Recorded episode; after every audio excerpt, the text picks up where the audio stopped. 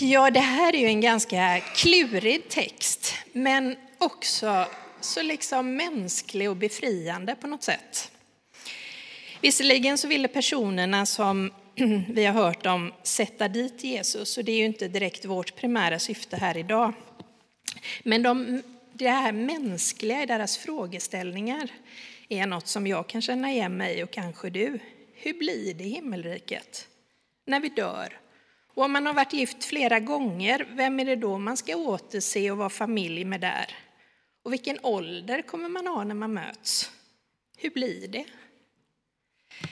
Saddukeerna som ville ställa Jesus mot väggen trodde inte på en uppståndelse efter döden. Därför ställer de frågor och problematiserar tanken om himmelriket.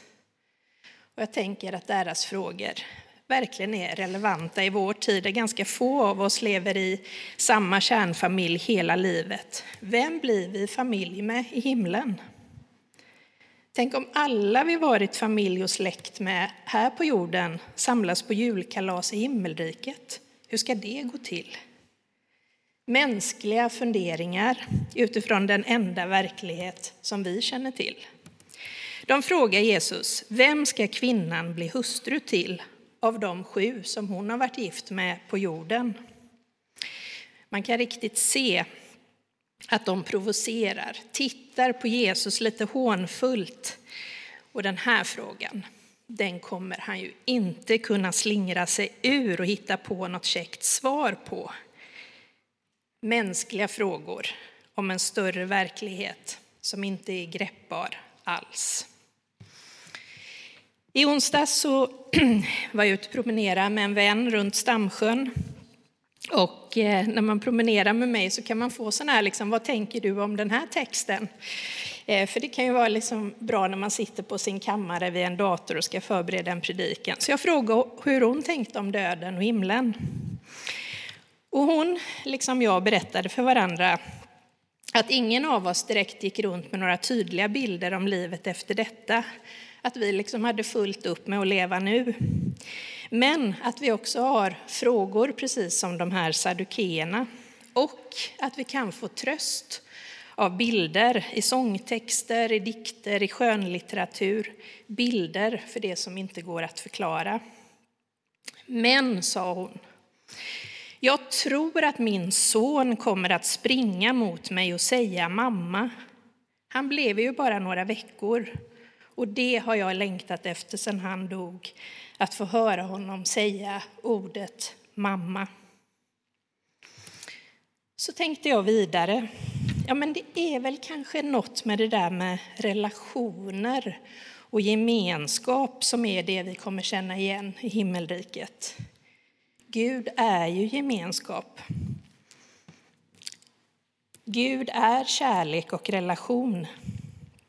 Men himmelriket kan omöjligt vara uppbyggt som här för ja, vem ska vi leva med om vi har varit gift flera gånger här på jorden? Återseendet är vårt hopp. Men detaljerna kommer var och en av oss bli överraskade av. Allt kommer vara större, allt vackrare, allt bättre än vad vi någonsin har kunnat omfatta i vår hjärna här och nu. Inför det som vi inte säkert vet, och det är ju ganska mycket här i livet, så brukar jag tänka på att det är ganska viktigt vilken gudsbild som vi har, som vi odlar, som vi fördjupar oss i och förmedlar. Gudsbilden här påverkar vad vi tror där. Bilden av den Gud som vi känner och relaterar till här är ju, är ju alltid mindre än den verkliga guden en Gud som här inkluderar, älskar och vill allt gott är knappast sämre i himlen. Så vad svarar då Jesus på frågan som saddukeerna hade? Han svarar. Denna världens människor gifter sig och blir bortgifta, men de som befinns värdiga att komma till den andra världen och uppstår från de döda, de gifter sig inte och blir inte bortgifta.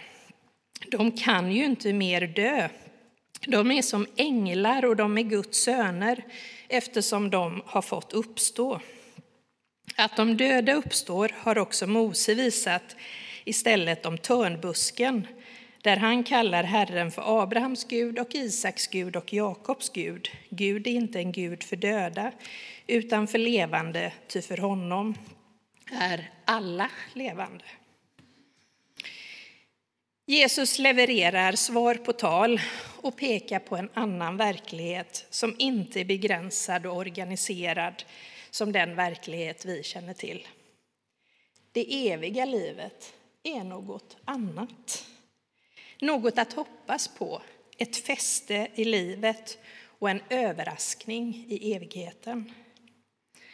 Jag tänker på orden ännu ser vi en gåtfull spegelbild. Då ska vi se ansikte mot ansikte. I Lukas berättelse om Jesus är vi i skeendet i Lukas evangeliet i Jerusalem och konflikten har tätnat. Han har ridit in i, en, i staden på en åsna och folket har jublat och andra har ilsket muttrat. Han har drivit ut köpmännen ur templet och nu tar han debatten. Och gruppering och gruppering läser vi i Lukas evangeliet kommer till Jesus med frågor och många har avsikt att anklaga honom för något. Deras gemensamma hållning är att de avvisar alla anspråk på att Jesus skulle vara Messias, Guds utvalde. De frågar för att utesluta. De vill inte förstå, men gång på gång svarar Jesus på ett sätt som överraskar dem. Kanske för att han alltid bakom frågorna kan se undertexten, höra den oro som vibrerar och den längtan som stör också hos de mest tvärsäkra människor. I botten finns frågan som handlar om gudsbilden. Är jag välkommen? Hör jag till? Och kanske smärtsammast formulerat som Går det att älska mig? Den här gången så gällde det frågan om uppståndelsen ur ett rationellt perspektiv, ibland så där omöjligt rationella. Det går inte att tänka sig hur det ser ut, hur det går till att döda uppstår, hur himlen, det finns tusen invändningar att komma med till Jesus. Och ändå tänder vi våra ljus i alla helgona mörkret och längtar. Det är en tid då vi vet så oändligt lite och längtar desto mer.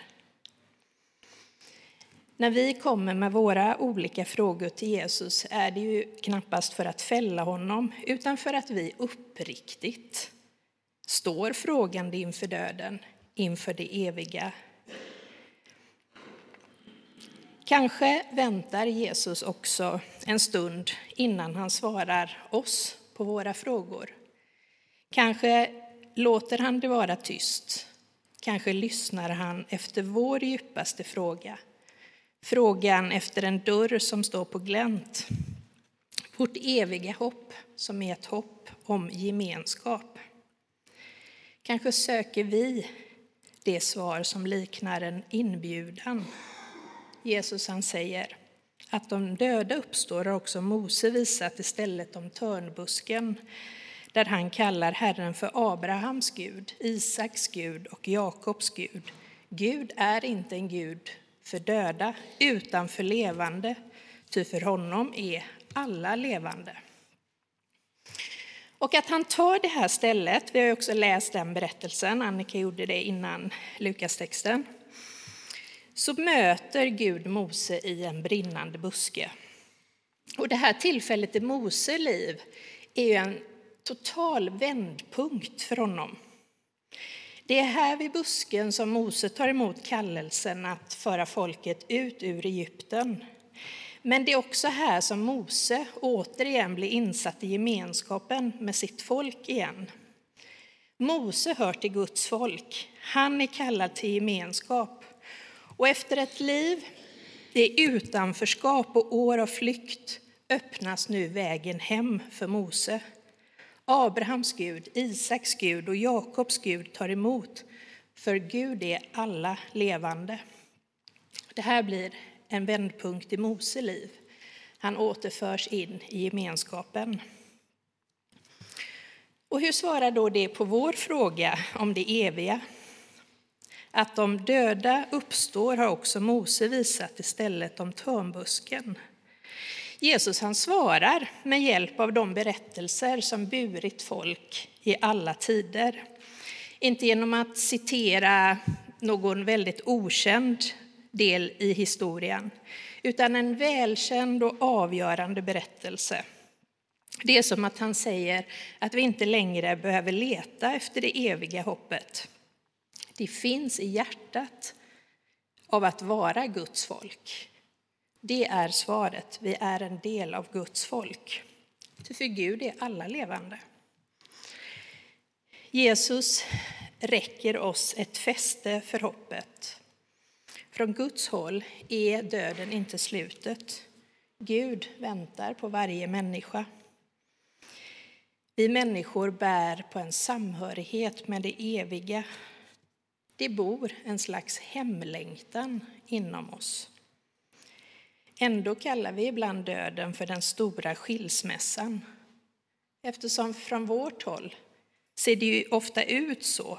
Det är något som slits sönder, det gör ont, den stora skilsmässan. Men vårt eviga hopp är att Jesus står vid dörren och tar emot.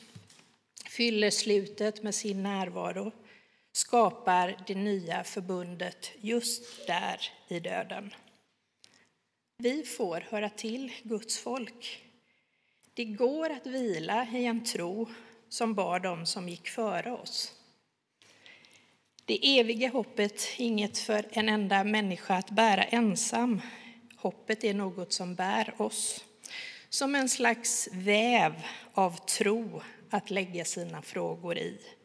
Kanske som en gigantisk hängmatta att vila i där vi i vår sorg och förtvivlan kan treva med händerna efter en väv som bär oss.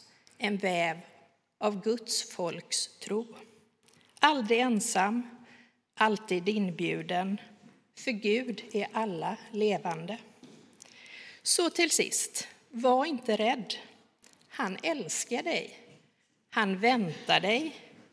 Och hur han längtar efter dina steg. Från evighet har han stämt möte här.